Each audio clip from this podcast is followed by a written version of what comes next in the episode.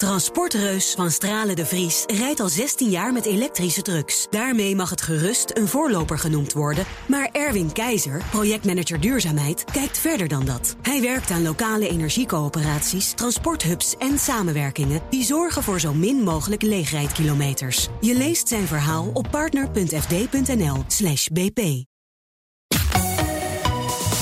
BNR Nieuwsradio.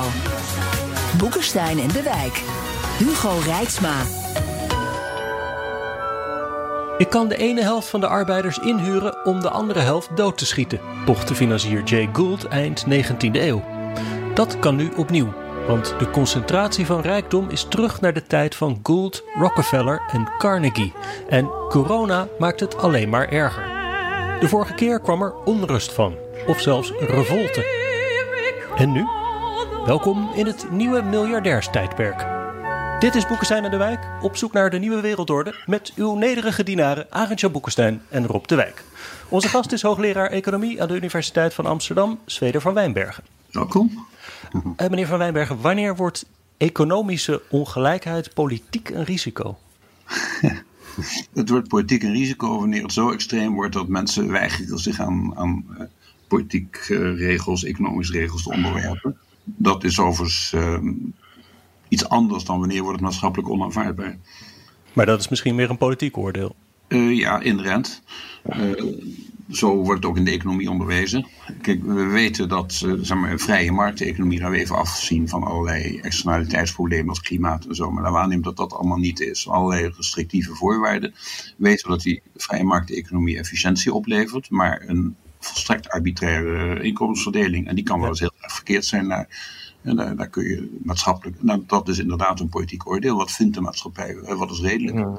Het interessante is dat, dat uh, en de vraag is van, zijn er nou historische voorbeelden dat ongelijkheid heeft geleid tot grote opstanden? Ik kan ze niet bedenken. Ik heb die dingen sinds 1848 op een rij gezet.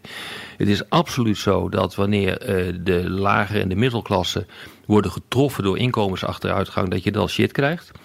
Maar ik heb nergens gezien in de geschiedenis dat, uh, dat grote ongelijkheid, als die groter wordt, dat dat leidt tot enorme sociale opstanden. Of zit ik daar helemaal verkeerd mee?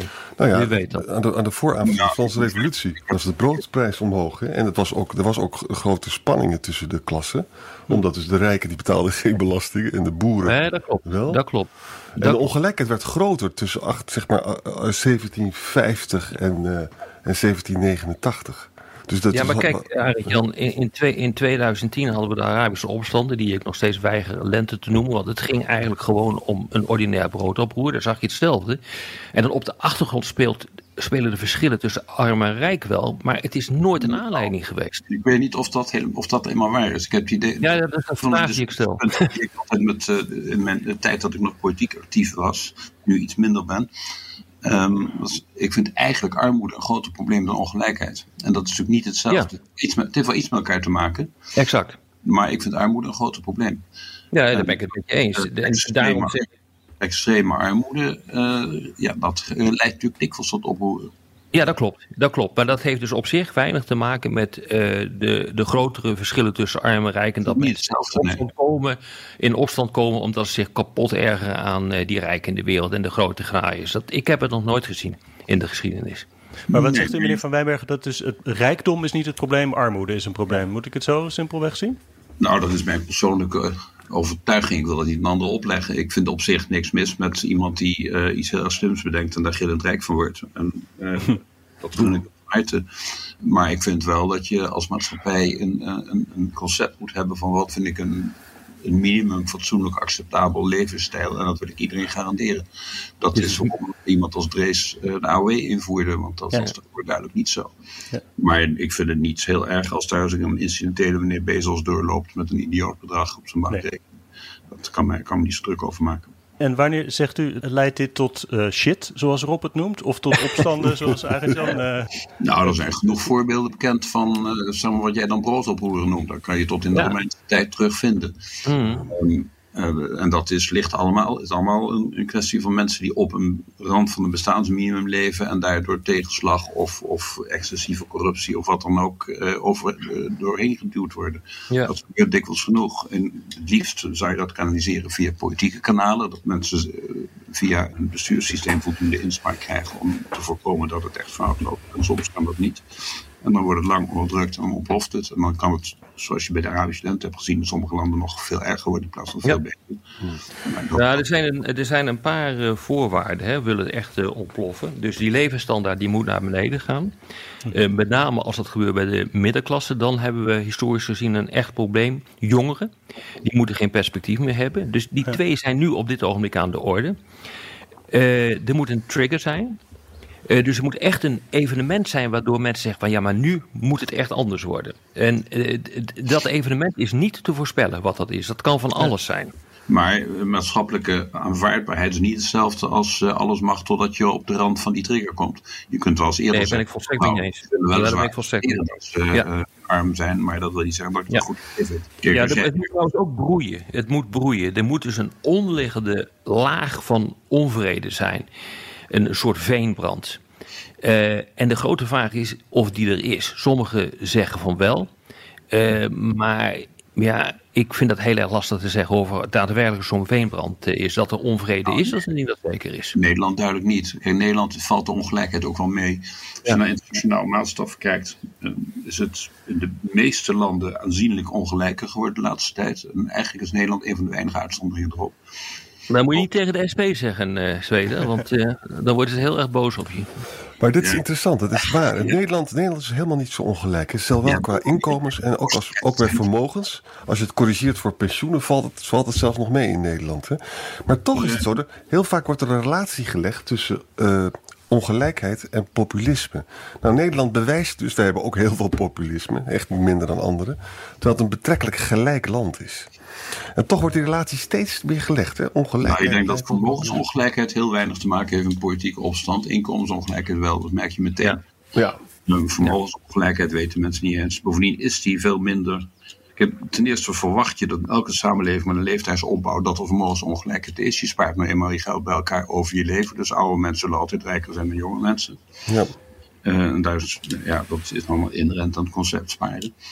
Um, Tweede is dat wij natuurlijk een heel groot element van vermogen in feite uh, nooit meemeten. Wat speciaal aan de, nou ja, de armste 40% toekomt. Namelijk uh, het recht om in woningcorporatiehuizen te wonen. dat ja. heeft nog nooit iemand uh, getal opgezet.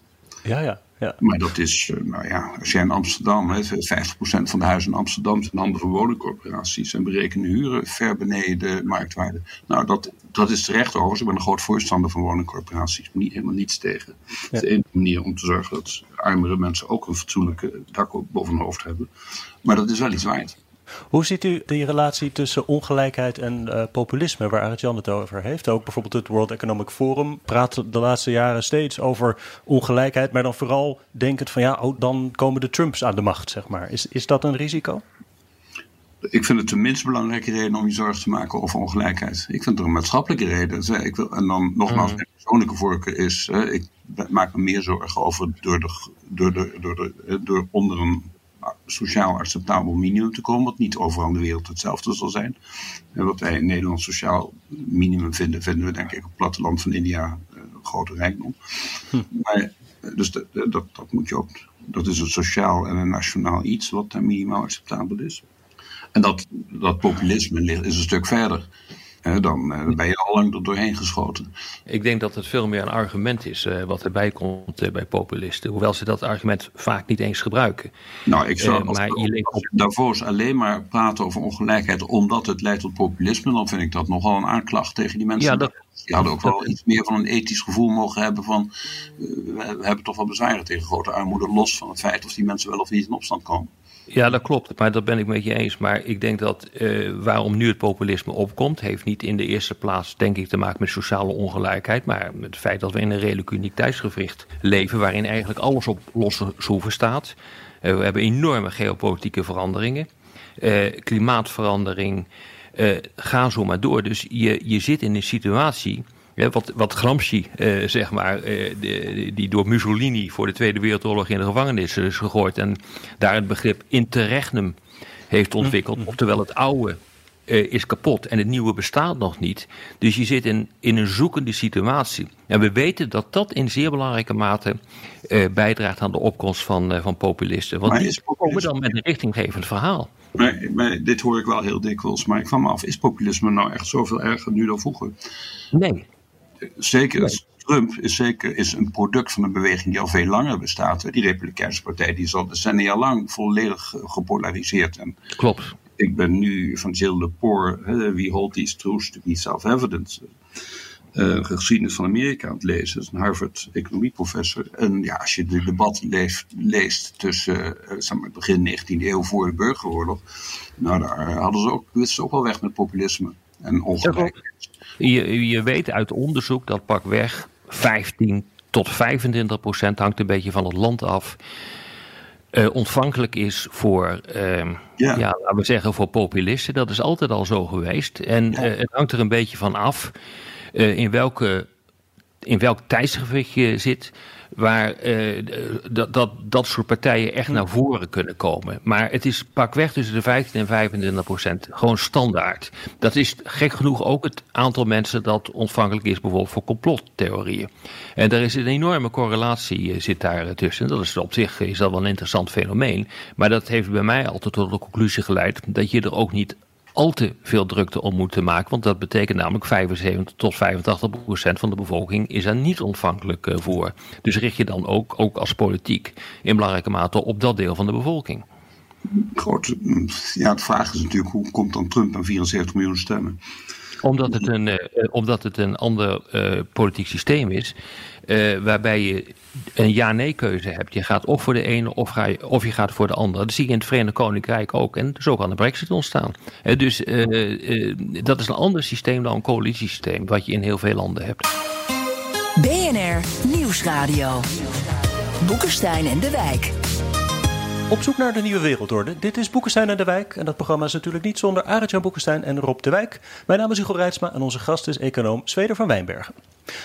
Als we de, de, ongelijkheid van nu kunnen vergelijken met die van zeg maar, de Gilded Age, de tijd van de Rockefellers en de Carnegies, toen had je hè, de opkomst van olie en spoorwegen, nu van tech. Kunnen we die tijden ook met elkaar vergelijken? Nou, als je nog wat verder teruggaat, was het natuurlijk een veel extremere ongelijkheid. Want uh, ik had het net al over de geschiedenis van Amerika. Een flink deel leefde in slavernij. Als jij een uh, zwart huiskleer had, nou dan. Uh, was je levensniveau standaard niet hoog. Ja. Uh, dus nee, ik denk niet dat ongelijkheid uh, iets nieuws is. Uh, en je moet denk ik ook onderscheid maken tussen ongelijkheid op wereldniveau en ongelijkheid op landenniveau. Het is over de laatste decennia zonder meer waar dat in bijna alle landen ongelijkheid van inkomens, ongelijkheid dan over toegenomen is. Bijna overal. Er zijn hele interessante verhalen over waarom dat zo is en wat je daar kan doen internationaal, als je een Gini-index voor de wereldbevolking uitrekent, dan is dat niet zo. En de verklaring is dat het ongelijkheid binnen landen wel toeneemt, maar ongelijkheid tussen landen neemt sterk af. En dat komt natuurlijk vooral door China en India. Hmm. Ja. Nou ja, je zei wel iets interessants. Uh, um, en dat heeft te maken met die industriële revoluties, uh, Hugo. Um, uh, en dat soort uh, types die ook onwaarschijnlijk rijk waren in de Verenigde Staten. Dit is het product in mijn optiek van de tweede industriële revolutie. En dan gaan we in de richting van de massaproductie, elektrificatie.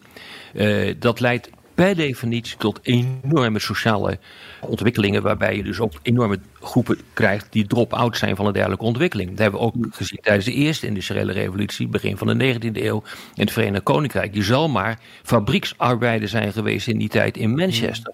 Er wordt nu een enorme toestand gemaakt en terecht van de slavernij. Maar als je kijkt hoe die mensen uh, eraan toe waren. Hè, toen is ook het begrip loonslaaf uh, bedacht. Nou, die werden, die werden niet veel beter be behandeld door hun bazen uh, dan slaven hoor. Dat was echt heel erg verschrikkelijk wat er in die tijd uh, uh, gebeurde. En je ziet dus nu met de vierde industriële revolutie, de datarevolutie, dat je eenzelfde systeem weer gaat krijgen. Ook dat leidt tot drop-outs en het leidt ook tot drop-outs in de vorm van landen. Ja, dus de grote vraag is wie deze revolutie gaat winnen. Wordt dat China? Wordt dat het Westen? Zeg het maar. Als het China wordt, dan wordt het Westen collectief eigenlijk een drop-out van een dergelijke ontwikkeling. Nou, er zijn weinig economen die het daarmee eens zullen zijn. Die, ja, maar ik ben ook geen econoom. politici, zien, politici zien internationaal uh, altijd als een soort winner-takes-all race. Uh, ja. nou, in de economie bestaan zeker winner-takes-all uh, voorbeelden. Kijk naar, naar het is maar bedrijfstakken waar enorme schaalvoordelen bestaan, zoals inderdaad Google, Microsoft. Landen zijn we toch redelijk van overtuigd dat de open handel uh, niet een kwestie is van uh, jij wint of ik wint, maar dat we allebei beter worden. En dat ja, maar het is wel een westerse opvatting, Zweden. Dat uh, zo denken die Chinezen, die denken echt in zero-sum games. Dat is echt nou, momenteel denkt China er meer zo over dan Amerika, maar goed. ja. Nou, niet zo van overtuigd. Ja. Maar is er niet een verband, meneer Van Wijnbergen, in die zin, dat hoor ik vaak, dat de opkomst van China leidt tot hier de teloorgang van de, de middenklasse in, in westerse landen? Ja, um, dat is op zijn zacht gezegd omstreden. Het is al heel lang loopt er onderzoek van wat, is nou precies de, de, de, uh, de bron van die oplopende ongelijkheid. China heeft natuurlijk ook pluspunten. China heeft namelijk tot een enorme uh, verlaging van grote massaproducten geleid. Nou ja, als jij die massaproducten als arm iemand consumeert, heb je daar voordelen van. En de afweging is eigenlijk, is het internationale handel met al zijn plussen en minnen? Of is het misschien meer een skillpremie? Dat de maatschappij uh, aan het veranderen is en mensen met een hoge opleiding, die, uh, ja, er zijn er veel te weinig van, mensen met lage opleiding te veel. En de loonverschillen nemen daarom toe. En daar komt het meeste onderzoek toch op uit dat dat het probleem is. Dat het meer de skillpremie is die het doet dan uh, internationaal. Oh, de skillpremie, ja, dus onderwijs. Mm -hmm. Dat zou, zou, een essentieel onderdeel moeten zijn. En dan zie je ook dat zelfs in Nederland daar, uh, we daar echt gaten in het systeem hebben. Waar hele groepen door eruit vallen. En dat lijkt me veel belangrijker iets dan uh, goedkope televisie uit China krijgen. ja. Ja, dat betekent natuurlijk wel dat als je. Dus je moet natuurlijk wel iemand zijn die skills kan leren. Hè? Dat geldt niet helemaal voor iedereen. Dus nee, dat is waar. Dus in de nieuwe economie heb je dus. Dat, dat is echt wel ook wel een reden voor ongelijkheid. Dat je nou niet. Als je een hoofd hebt waarmee je niet zo goed kan leren. En ook niet zo handig met je handen bent. Ja, dat zal je maar gebeuren. Dan heb je wel een probleem in dit, in, in dit systeem. Toch? Leg, ja, leg eens uit hoe je erover begint, denk Jan. En, en hier loopt nou, China natuurlijk wel op dit ogenblik uit op het beste. Laten we nou wel wezen. Ik, als het gaat om, om een voordeel van, van skills, opleidingen, dan gaat het in China verdomd hard op dit ogenblik, met name op technologisch gebied. Ja. ja, hoewel het natuurlijk gemiddelde gigantisch achterlopen, al is, wordt daar heel veel ingehaald natuurlijk. Klopt. Maar qua onderwijs lopen we nog wel een flink aan het voren. Nee, het, maar het is, als dit je diagnose van ongelijkheid is, dan ga je ook anders aankijken tegen wat mensen doen aan, om het te bestrijden. Ja. ja. herverdelen is misschien niet de goede route. Want uh, als, als de, ja, de bovenlaag ontzettend rijk wordt, zodat ze een enorme onderhandelpositie hebben, dan gaan ze die subsidies hoe dan ook toch naar ze toe trekken. Ja, maar dit is dus wel wat politici willen. Arend Jan, ik bedoel, uh, de standaardreactie is toch uh, herverdeling, hogere belasting, belasting Ja. Ja, ja um, overigens is Nederland laatst iets minder herverdelen geworden. Maar uh, ja, ik vind dat altijd uh, ja, een omstreden punt. Uh, nogmaals, um, armoede bestrijd je niet met hoge tarieven voor rijke mensen. En in Nederland, als je kijkt naar. Nederland hebben we het eigenlijk grosso modo best goed geregeld. Maar echte armoede zit in twee hele specifieke groepen. En die zie je geen van mij terug. En welk, ook niet in het SP-partijprogramma. de echte arme mensen in Nederland, dat zijn immigranten die zeg maar, op een 35e hier gekomen zijn en de rest van hun leven op minimumloon zijn blijven hangen. Die zitten dus met een onvolledige AOE verder niks. Mm. Dat is serieus armoede. Mm -hmm. uh, en uh, ja, gescheiden vrouwen met kinderen, daar zit ook veel armoede. En nou, dat zie ik eigenlijk nergens terug. Uh, armoedebeleid hebben we niet. ga je richting skillpremie, ja, dan moet je, zou ik ook kijken. Kijk, of het algemeen onderwijs in Nederland goed en redelijk toegankelijk.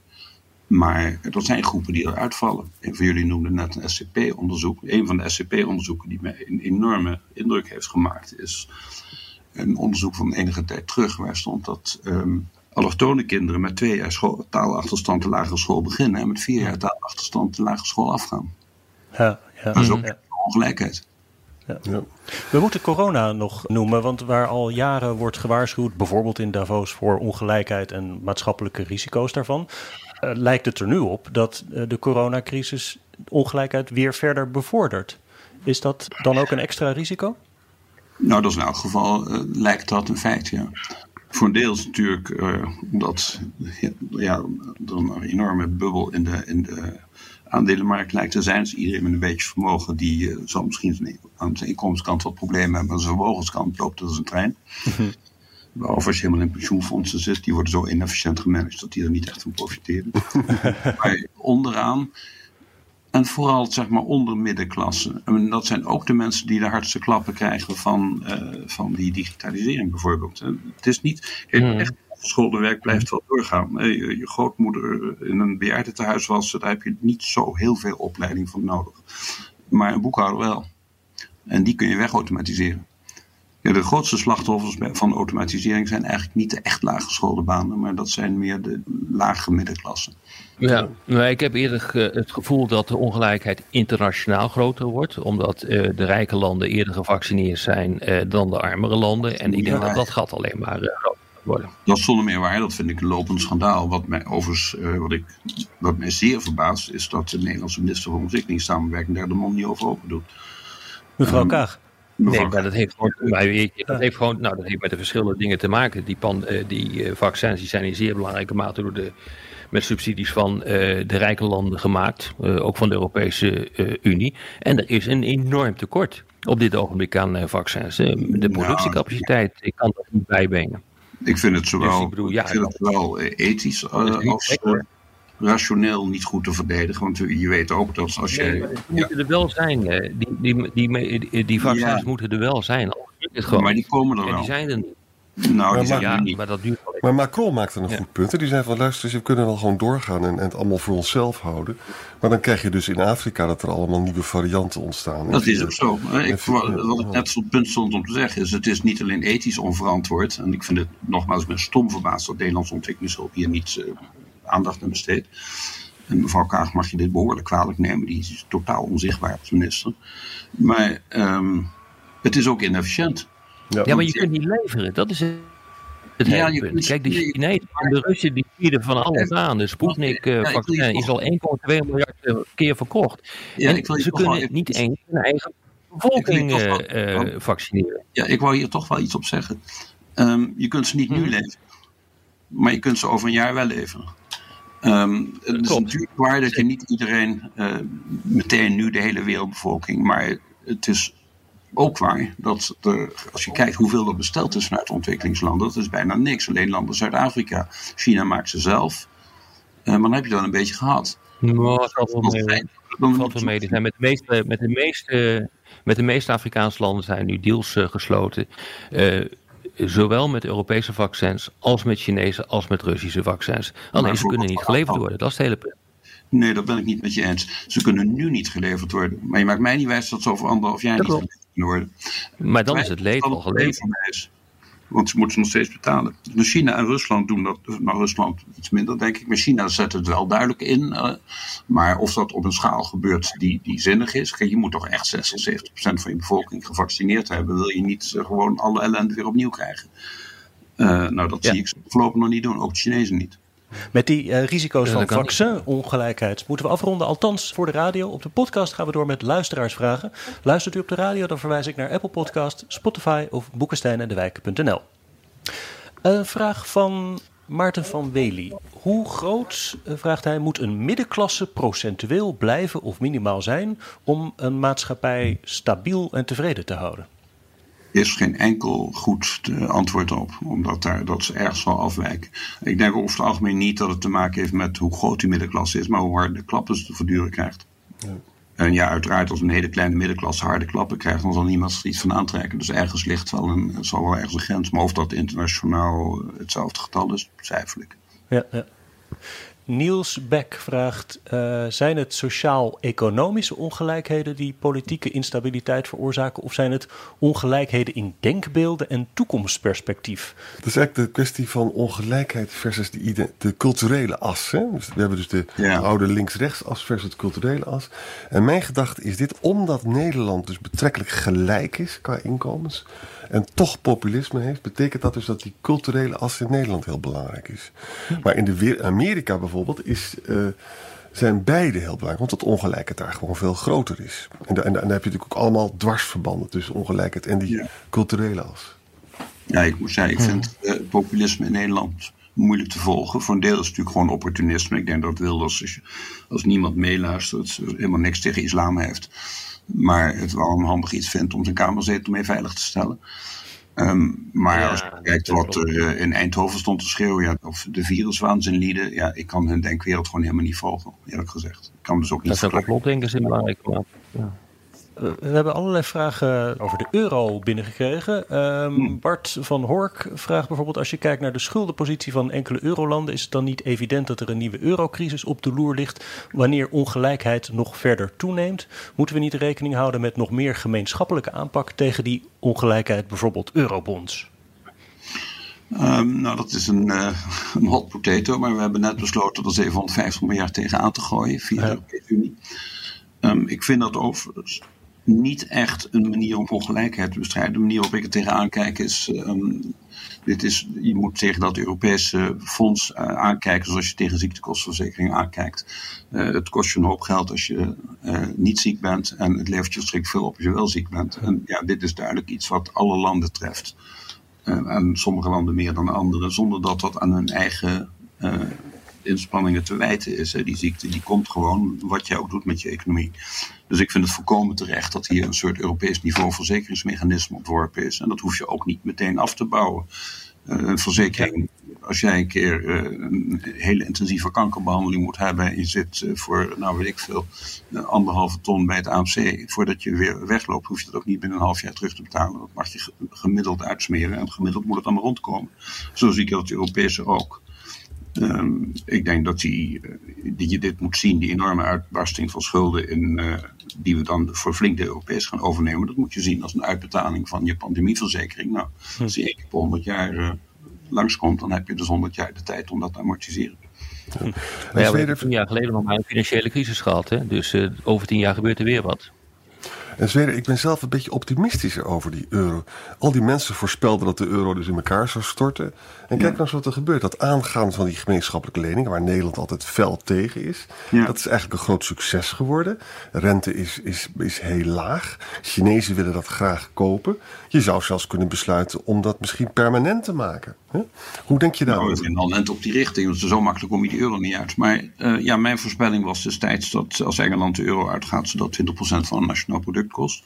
Dat is ook een beetje de schatting wat Europese integratie ons oplevert. Nou, dat hebben ze behoorlijk snel voor een kiezer gekregen. Dat was ongeveer de daling in het pond op de dag dat de brexit kwam. Ehm, het is evident dat de euro enorme voordelen heeft. Eh, het is ook evident dat er een aantal onopgeloste problemen zitten. En dat er toch behoorlijk wat divergentie zit. Dat maakt het lastiger. Ehm, en dat is toch vooral het gebrek aan groeivermogen in Italië. Dat zie ik als het grootste probleem. Ook nog op eh, eurogebied vraagt Teun Verkerk: wordt de ongelijkheid niet verergerd door het beleid van de ECB, waar de ene helft van de samenleving duidelijk plezier aan beleeft en de andere helft niet? Nou, ik denk dat hij de invloed van de ECB overschat. Ehm, kijk, lage rente, als, die- als werkelijk die lage rente alleen maar door de ECB kwam, dan zou dat dus een enorme boomperiode hebben moeten veroorzaken. Dan zou je in feite zeggen, de, de normale evenwichtsrente is veel hoger, gezien eh, vraag en aanbod en, en besteding eh, vandaag en morgen. Maar de ECB drukt het omlaag. Dan zouden we dus een extreem expansief monetair beleid hebben. Dan zou de economie in een geweldige boomperiode hebben. Nee. Ik denk dat enorm overschat wordt wat die ECB uitlaat. En dat het allemaal niet veel uitmaakt wat ze doen.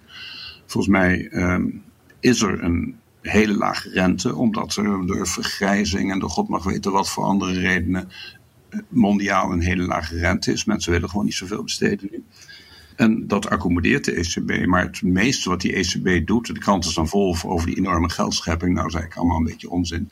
Als de ECB eh, allemaal overheidspapier opkoopt, ja, dat staat aan de andere kant van de balans, staan daar deposito's van banken tegenover, reserves, commerciële bankreserves. En het enige wat die ECB doet, is de, de, de looptijd van de overheidsschuld verkorten. Die kopen, 40, jaar- die kopen 30 jaar obligaties op en dat, geven ze met, eh, dat financieren ze met deposito's van banken die nou ja, bij de huidige lage rente met maar heel weinig krijgen. Zelfs negatief. Maar dat is kortlopende schuld. Maar veel meer dan dat doet de ECB niet. Het hele begrip geld is, is een vaag begrip geworden door die hele digitalisering. Ja, hebben we het laatst nog over gehad. Um, Daan Diedericks vraagt: Is de groei van de bovenklasse van zeer rijken een gevaar voor het voortbestaan van de democratie? De Romeinse Republiek is aan de machtshonger van de rijken ten onder gegaan. hoe is dat in Nederland? Ja, mooie teksten zijn het. Europa en de Verenigde Staten, hoe is dat hier te voorkomen? Nou ja, nou, hebben, we, hebben geconcludeerd dat het niet echt aan de orde is. Die, die, Romeinse Republiek heeft best lang overleefd. Hoor. Als je oostelijk, het oostelijk deel van het Romeinse Rijk meeneemt, moet je toch tot de 15e eeuw doorgaan. Dat is best lang. Hmm. Maar, uh, en dat had misschien meer te maken met invallen van stammen van buiten dan interne slavenopstanden. Ja. Dus dat, uh, dat weet ik niet of dat zo is. Nee, ik denk dat op zich de aanwezigheid van een kleine groep extreem rijken, die is natuurlijk wel, nou, vooral vrije afvragen, klopt het belastingssysteem wel helemaal. Maar uh, nee, ik geloof niet dat dat veel uitmaakt het is namelijk wel een heel, heel klein percentage. Het vertelt je meer over bijvoorbeeld slecht mededingingsbeleid in Amerika dat dit gebeurt. Ja. Uh, dat, uh, dat is duidelijk. En dat is, heeft hele andere economische nadelen. Namelijk dat productiviteitsgroei in Amerika al jaren laag is. Gewoon omdat ze concurrentie uh, ja, tegenwoordig iets een beetje onzin vinden. Nee, maar het, is een, het is een onderwerp dat ook door de politiek gekaapt wordt. Ik bedoel, je bent hier al extreem rijk als je twee keer modaal verdient. dus, nou ja, ik bedoel, dat is als je naar de Kamerleden luistert, dan is dat ongeveer de boodschap. En dat is natuurlijk gewoon onzin. Nou, Kamerleden verdienen in elk geval meer dan twee keer modaal. ja, die vinden zichzelf ook extreem rijk, althans van sommige politieke partijen. Ja, ik denk niet dat uh, het de extreme rijkdom, dan heb je het over de Bezos en dat soort mensen, de, de, de miljardairs, et cetera. Nou, dat is wel, blijft een hele kleine groep. Die hebben nauwelijks invloed op de ongelijkheidsstatistiek. Ja. Dat is te weinig. In Nederland hebben we natuurlijk een heel erg goed vangnet opgebouwd, wat een groot maatschappelijk pluspunt is echte armoede in Nederland, dan moet je net in de verkeerde hoek zitten. Ik noemde al in het begin van de uitzending die twee groepen. Uh, of mensen in geestelijke problemen, ja, allerlei uh, mensen waar dingen mee mislopen, maar over grote groepen gemeten um, hebben we best een goed vangnet hier opgericht. Het wordt als een probleem als die extreemrijken als zondebok worden gebruikt. Voor alles wat er mis is in de maatschappij, dan heb je een probleem. En nou ja, goed, tot nu toe valt dat nog mee, moet ik zeggen. Ja, in Amerika vinden ze het alleen maar mooi als mensen heel extreem rijk worden. Want die hebben allemaal het idee dat kan ik dan ook dus. Ja. Dat is natuurlijk voor de meeste mensen niet zo. Maar goed, die, het is daar wat optimistischer ingesteld. En echt extreem rijke mensen, ja. De echt extreem rijken zijn over het algemeen mensen die iets geweldigs bedenken wat enorm aanslaat. Het is, het is maar een klein deel via erfelijkheid. Getuige het verhaal van lezen. Maar de, ja de honderd rijkste mensen nu heeft geen enkele naam gemeen met die van 40 jaar geleden. het leuke is dat Trump dus uh, zijn, uh, zijn belastingpapieren niet wil openbaren. Volgens mij wil hij dat niet, omdat dan zal blijken dat hij niet zo extreem rijk is als dat hij altijd gezegd heeft dat hij is. Nou, ik hoor zelf uit kringen, ook in de Amerikaanse zakenleven, dat men breed gelooft dat hij lang failliet is. Ja. Dat hoor ik ook, ja. Mike, Bloomberg heeft dat gezegd. Hè. Die man heeft, is helemaal geen succesvol ondernemer. Hij heeft 100 miljoen geërfd. Nou, als jij 100 miljoen in standaard een poertrekker gezet had in 1980, dan was je vele malen rijker geweest dan hij nu beweert te zijn. dat is hij allemaal kwijtgeraakt. Toen heeft hij een gigantische massa gehad met die reality show die fantastisch aangeslagen heeft. Daar heeft hij weer een half miljard of een paar honderd miljoen mee verdiend. En die is hij nu ondertussen weer kwijtgeraakt. Dus die man is maar heel erg goed in het verbranden van veel geld waar hij toevallig aangekomen is. ja. En het witwassen van Russisch geld. Ja, dat is boeiend. Niemand weet precies wat zijn relaties met Poetin. Ja, en een groot vliegtuig. Um, we sluiten af nog met een vraag van Calculo Ergosum. Uh, hij vraagt: Worden de vruchten van de toenemende ongelijkheid in het Westen voldoende gestoken in innovatie, waar toekomstige generaties van kunnen profiteren? Of wordt het opgepot dan wel verjubeld? Nou, ik zou het eerder omdraaien. die extreme rijkheid komt juist voort uit innovatie. Als je kijkt naar praktisch niets is. Uh, het heeft heel weinig te maken met vererving. Het heeft veel te maken met. Kijk naar Jeff Bezos, kijk naar, naar, naar Bill Gates. Uh, mensen die helemaal voorliepen met innovatie, die dat. Ja, en, en ja die, die, die uh, goudmijn bleken aan te, op te graven. Ja. Daar komt die extreme rijkdom vandaan. Het is meer omgekeerd. En oppotten voor lagere generaties betekent niet dat ze een pot gehad hebben waar niks meer mee gebeurt. Als jij spaart, dan komt dat via de kapitaalsmarkt of via de banken bij mensen terecht die er iets mee doen. Dus nee, ik maak me daar weinig zorgen over. Nee, het interessante is natuurlijk dat die extreem rijken, eh, dat zijn allemaal producten van eh, de derde industriële revolutie, de ICT-revolutie van de jaren 80, 90.